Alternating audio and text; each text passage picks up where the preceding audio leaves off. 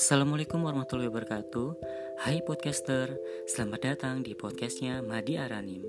Sosok pemuda yang bisa dibilang sebagai peneliti pemula karena baru saja meraih gelar Magister Teknik di Surabaya.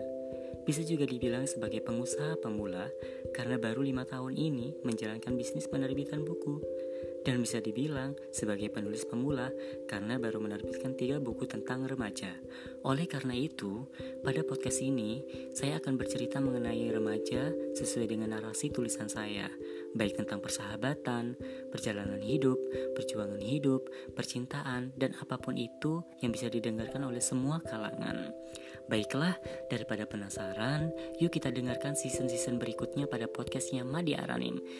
Terima kasih dan selamat beraktivitas kembali. Wassalamualaikum warahmatullahi wabarakatuh.